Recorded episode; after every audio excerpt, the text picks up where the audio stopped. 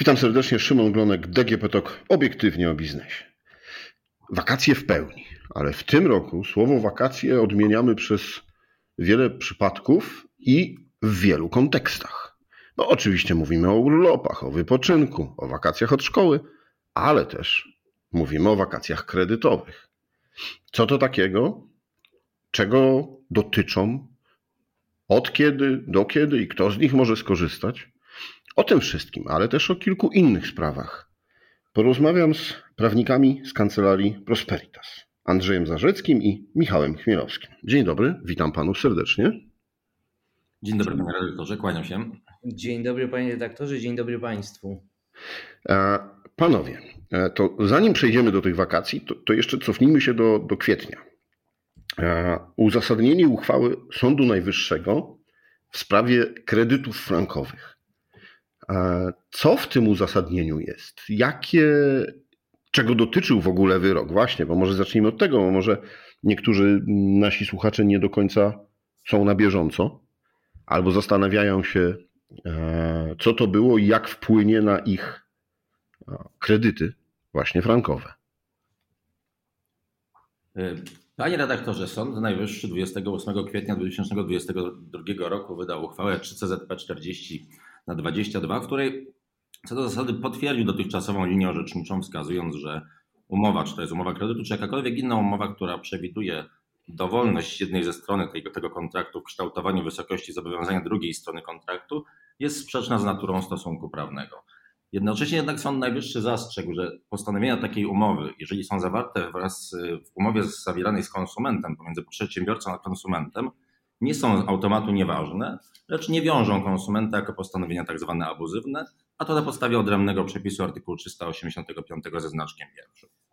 Ta uchwała w tej w treści samej sentencji bez wątpienia jest korzystna dla wszelkich osób, które posiadają kredyty waloryzowane kursami waluty obcej, które teraz masowo trafiają do sądów, lecz y, wprowadza pewnego rodzaju z mojego punktu widzenia jako praktyka zamieszanie i możliwe, że niepotrzebne rozróżnienie pomiędzy skutkami zamieszczenia takich umów w umowach konsumenckich oraz w umowach zawieranych pomiędzy przedsiębiorcami. Co do zasady, Sąd Najwyższy w tej, w tej uchwale odwołuje się do pojęcia natury stosunku prawnego. Jest to pojęcie wprowadzone wiele lat temu do kodeksu cywilnego. Od samego początku wywoływało liczne wątpliwości interpretacyjne. Sąd Najwyższy się tą kwestią zajmował już wielokrotnie i tutaj nie mamy żadnego przełomu. Jeżeli jedna strona kontraktu, zwłaszcza silniejsza, może decydować o wysokości zobowiązania drugiej strony, no to to jest po prostu sprzeczne z istotą samej umowy. Natomiast y, Sąd Najwyższy w tym, w tym zakresie y, wskazał jednocześnie, że jeżeli umowa jest zawarta w obrocie konsumenckim, to z automatu taka umowa nie będzie uznawana za nieważną. Może być uznana za nieważną, lecz to musi być badane w każdej konkretnej sprawie. Tutaj bez wątpienia prawnicy, zwłaszcza praktycy, mieli daleko idące oczekiwania co do samej treści uzasadnienia, które miało powstać do tej uchwały. Ja szczerze mówiąc, jako praktyk czuję pewien niedosyt, gdyż w samej treści uzasadnienia nie znajdujemy zbyt wielu odpowiedzi na nurtujące i istotne pytania, które dotyczą kredytów frankowych. Jest to raczej uchwała, która pewną polemikę doktrynalną prowadzi, prowadzi z, z innymi liniami orzeczniczymi, lecz z punktu widzenia praktycznego nic nowego nie wnosi, ale bez wątpienia jest uchwałą korzystną, bowiem w dalszym ciągu przesądza o tym, iż takie, a nie inne zapisy umowne, konstrukty umowne są niedopuszczalne w obrocie konsumenckim. E, no i przez to jakby nie wiążą konsumentów od samego początku, a taka umowa następczo albo będzie obowiązywać bez tego konkretnego postanowienia, albo okaże się końcowo w ogóle nieważna, o ile strony takiej umowy bez tego postanowienia nie zawarły. Dotychczasowa linia orzecznicza Sądu Najwyższego tym samym została podtrzymana w tym orzeczeniu.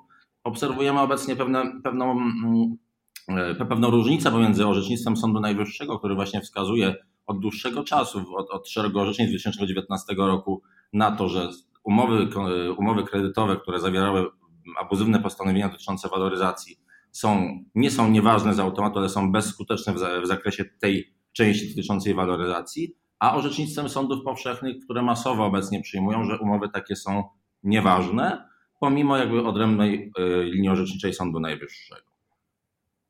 Czyli jednym słowem, e, ważne z punktu widzenia wszystkich umów jest to orzeczenie, natomiast nie wpływa jakoś e, na zmianę, czy też na to, że mm, banki na przykład mogą inaczej podchodzić do tematu negocjacji z klientem, ugód pozabankowych, no bo wiedzą, że bank, Sąd Najwyższy bardzo mocno wskazał w jedną stronę, że te wszystkie umowy są nieważne.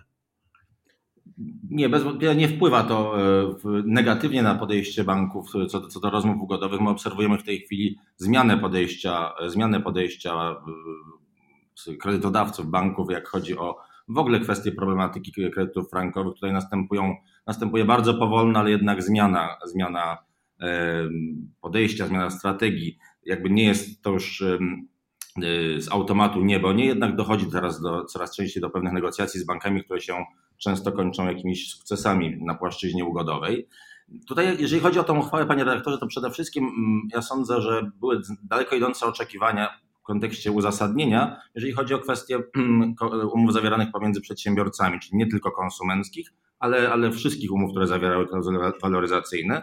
No i w tym zakresie, szczerze mówiąc, w uzasadnieniu rzeczonej uchwały brak jest jakichkolwiek informacji, które by pozwalały rozszerzyć tą tezę E, zawartą w, zawartą w, w samej sentencji uchwały, czyli jakby wytłumaczyć, co sąd miał na myśli.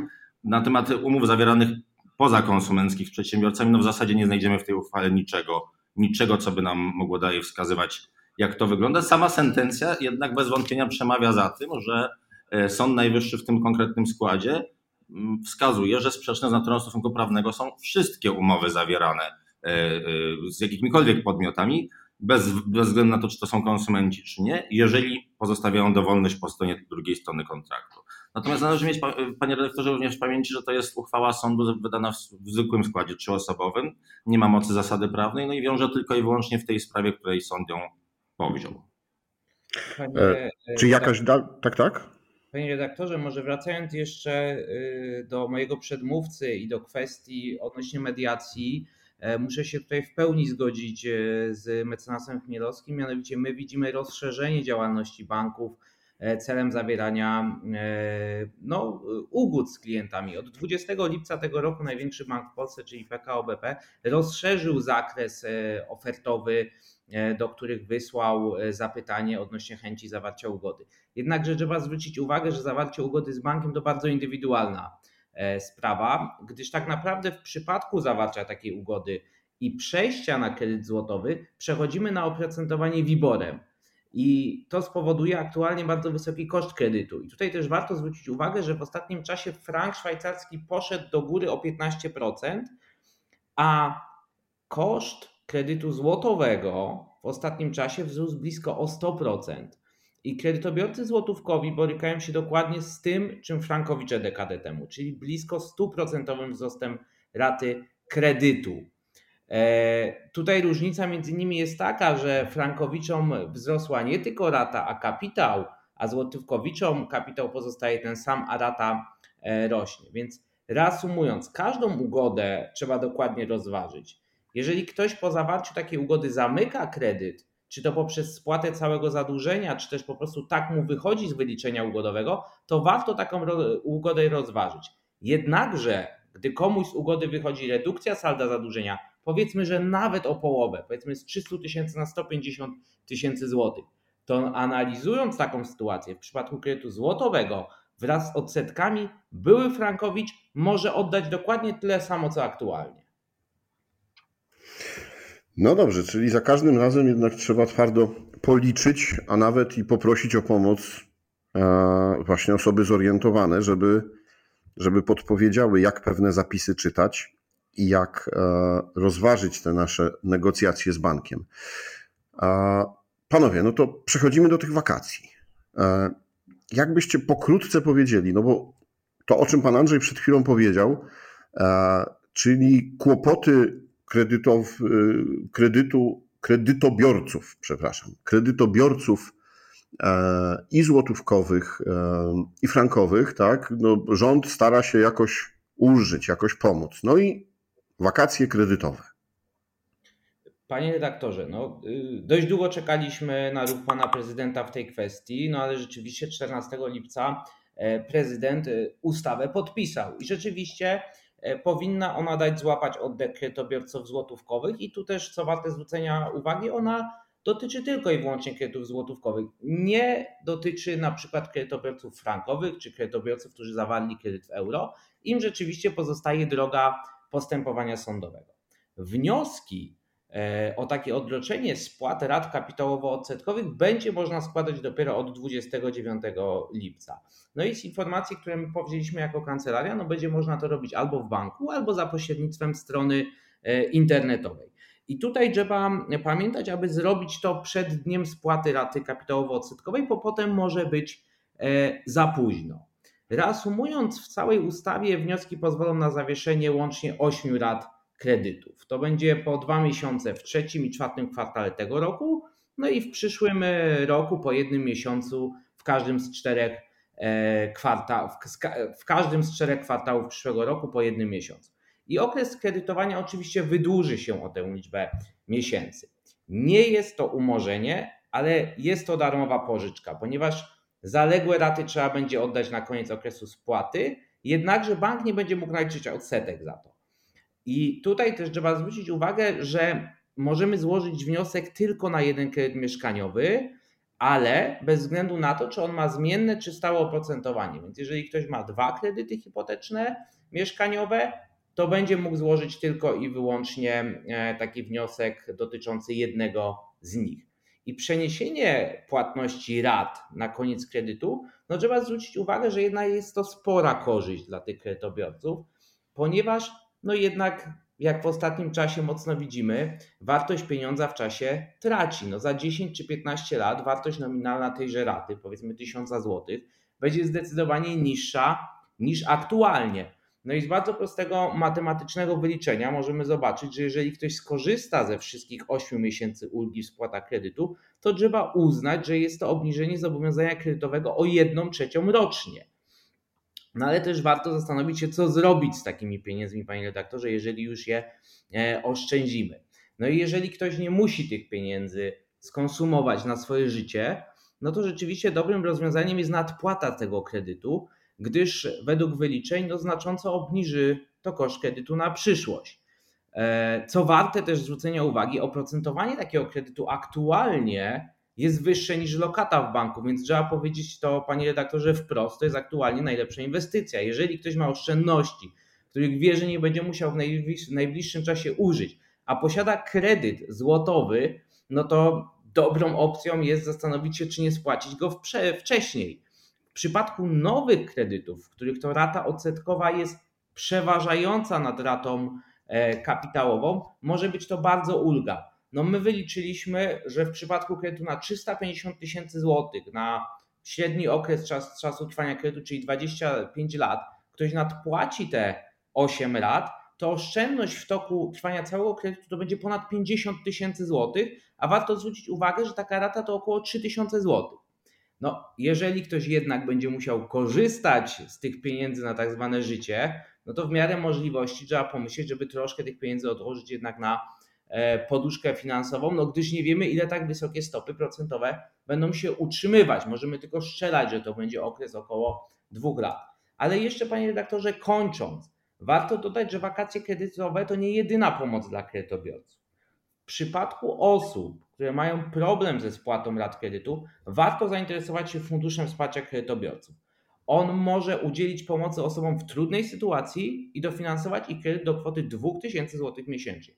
I tutaj mówiąc o trudnej sytuacji, mam na myśli osoby po utracie pracy, czy gdy rata kredytu przekracza na przykład 50% budżetu domowego. Warto wejść na stronę internetową, sprawdzić, jakie trzeba spełniać tutaj kryteria i rzeczywiście zastanowić się, czy właśnie takiej pomocy dany kredytobiorca nie potrzebuje. Te dopłaty do A przez jaki czas można korzystać z tej pomocy? E, panie redaktorze, jakiś czas temu zapoznawałem się z, z, ustawą o Funduszu Wsparcia Kredytobiorców. Z tego co pamiętam, było to 144 miesiące, więc to jest rzeczywiście dość długi okres czasu. I tutaj warto zwrócić uwagę, że to jest zwrotne. Jednakże w przypadku terminowych i rzetelnych spłat, z tego co mnie pamięć nie myli, część z nich może zostać umorzona i to chyba aż 44 raty. Czyli całkiem e, spory zastrzyk finansowy dla osób, które są rzeczywiście w trudnej sytuacji. No dobrze, ale podsumowując te wakacje kredytowe, zaczynają się 29 lipca tego roku, czyli ci, którzy przed 29 lipca mają termin spłaty kredytu, nie skorzystają w lipcu, dopiero w sierpniu.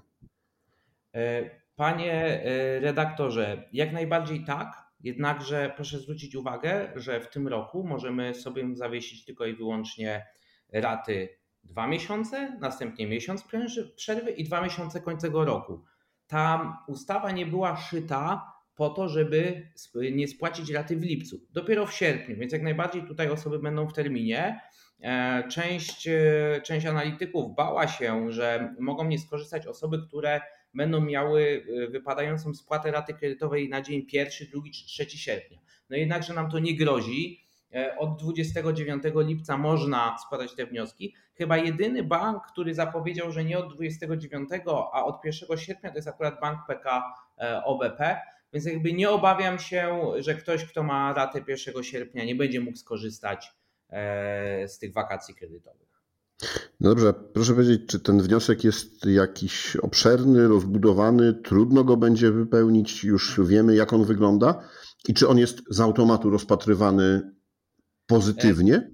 E, panie redaktorze, e, no ustawa tutaj nie wprowadza żadnych ograniczeń odnośnie tego, komu tego mamy nie przyznać. No nie licząc tylko tych ograniczeń, o których wcześniej mówiłem, czyli rzeczywiście, żeby był to kredyt złotówkowy i kredyt na e, maksymalnie jeden, jeden kredyt mieszkaniowy.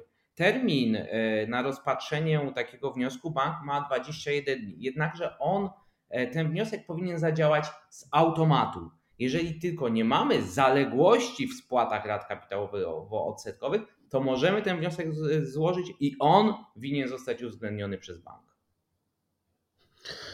No dobrze. E, panowie, to wróćmy jeszcze do tych, którzy nie mają tego szczęścia i mają kredyty właśnie we frankach, czy, czy w euro, czy, czy w innej walucie jeszcze. Chociaż inne waluty są pewnie e, marginalne, no ale zawsze. Co z tymi osobami, e, czy jest jakiś pomysł, żeby im pomóc, czy raczej, tak jak Pan powiedział na początku, muszą sobie radzić sami? No i właśnie, albo sąd, albo mediację. Panie redaktorze, wydaje się, że żadnego systemowego rozwiązania e, uszytego na miarę osób o takich potrzebach na chwilę obecną nie ma i wydaje się, że przynajmniej z informacji, które do nas docierają, nic takiego nie jest planowane. Także Frankowiczom i innym osobom, które borykają się, tak jak powiedział e, mecenas Zarzecki przed chwilą, e, zarówno ze wzrostem samego kursu waluty obcej, jak również ze wzrostem stóp procentowych w przypadku kredytów e, we frankach, bowiem Szwajcaria po raz pierwszy od dawna podniosła życzone stopy, no pozostaje tylko i wyłącznie skierowanie sprawy na drogę sądową, bądź też próba podjęcia mediacji z bankiem. Z tym, że z naszych doświadczeń wynika, iż banki zdecydowanie chętniej i aktualnie również bardziej elastycznie rozmawiają z osobami, które skierowały swoje sprawy na drogę postępowania sądowego. Jakby dla nich to jest y, y, urzeczywistnione już jakby zagrożenie związane z procesem, a nie potencjalne. Stąd, stąd też inaczej wyglądają pretrakcje ugodowe y, prowadzone z pełnomocnikiem procesowym banku niż, niż rozmowy ugodowe na początku. Niestety... Czyli rozumiem, że polecacie panowie z własnej praktyki rozpocząć negocjacje z bankiem od, y, od, od rozpoczęcia procesu, tak? od złożenia pozwu.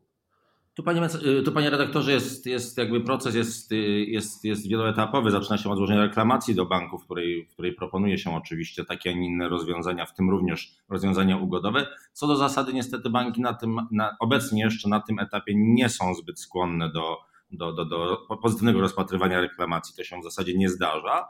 Następnie dochodzi do rozmów ugodowych, z tym, że banki na chwilę obecną co do zasady są mało elastyczne na tym etapie. To znaczy stosują się do tych zaleceń wskazywanych przez Komisję Nadzoru Finansowego, czyli konwersji kredytu walutowego, waloryzowanego walutą obcą na kredyt złotówkowy oparty od początku o WIBOR. I tutaj jakby nie ma za bardzo możliwości negocjacji niczego poza wysokością marży, która jest zawarta w, w, w danej umowie co powoduje, że ugody są na tym, na tym etapie, na tej płaszczyźnie mogą być mało atrakcyjne w porównaniu z wynikiem sprawy sądowej, która, która będzie oparta czy to właśnie o częściową bezskuteczność umowy, czyli o odfrankowienie tej umowy, czy też o całkowitą nieważność, gdzie oczywiście korzyść jest zdecydowanie większa, największa z tych wszystkich sytuacji. Jesteśmy już jakiś czas po ostatnim lockdownie. Następny nie wiadomo kiedy przyjdzie, y, są różne pogłoski. Czy w sądach zmieniły się jakieś y, terminy? Jest szybciej, wolniej? Y, ile teraz czasu trzeba liczyć na taki proces? Panie redaktorze, czy w sądach się coś zmieniło? No bez wątpienia aktualnie mamy 135 tysięcy spraw frankowych na wokandach, w tym większość w Wydziale Frankowym, co powoduje bez wątpienia, że jest to sąd bardzo mocno obłożony i terminy przez to skróceniu nie uległy, ale obserwujemy jakby pewne, może nie automatyzm, lecz pewne usprawnienie procesów frankowych. Przede wszystkim w takim zakresie, że sądy po przerobieniu, po prze, przeprocesowaniu jakiejś ilości spraw opartych w sumie o te same wzorce umowne, bo mamy kilkanaście banków, które stosowały abuzywne mechanizmy w umowach waloryzowanych kursem franka szwajcarskiego, nauczyły się, jak te sprawy należy sprawnie rozpoznawać i na przykład różne bezsensowne wnioski dowodowe ze strony banków o słuchanie takich czy nie innych osób, które nie miały nic wspólnego z daną konkretną umową, są już teraz bardzo często oddalane, co powoduje, że sprawa sądowa, jak już trafi do rozpoznania przez sąd, często się kończy na pierwszej rozprawie, a często również, zwłaszcza Wydział Frankowy, wydaje mm, wyroki na posiedzeniach bez udziału stron, jeżeli zachodzą okoliczności w danej, w danej konkretnej sprawie do tego. Stąd też, jak już sprawa trafi do sędziego, żeby ją rozpoznał, to, to tutaj obserwujemy znaczące przyspieszenie rozpoznania takiej sprawy. Niestety, y, przez ilość wpływających spraw, no, kolejka jest stosunkowo długa. Bardzo różnie to wygląda w różnych miejscach w Polsce. Czasami uzyskujemy wyrok w trzy miesiące od złożenia pozwu, no, czasami czekamy dwa lata na rozprawę. Wydaje się, że taki uśredniony czas w pierwszej instancji dalej oscyluje około 24 miesięcy y, do uzyskania wyroku sądu pierwszej instancji, następnie 12 miesięcy na kolejną drugą instancję już wyrok prawomocny. Rozumiem. Czyli tak czy inaczej trzeba uzbroić się w cierpliwość. Bardzo dziękuję panom za y, te bardzo przydatne informacje dla wszystkich kredytobiorców i złotowych, i frankowych. Wszyscy z, z pewnością śledzą, co się dzieje, czy na kursach walut, czy też na Wiborze, no bo y, to bardzo mocno dotyczy naszych budżetów. Moim Państwa gościem dzisiaj w podcaście byli mecenasi z kancelarii Prosperitas, Michał Gmielowski i Andrzej Zarzecki. Dziękuję bardzo, do usłyszenia. Dziękuję bardzo, do widzenia. Dziękuję, do widzenia. A to było DGP Talk obiektywnie o biznesie. Rozmawiał Szymon Glonek.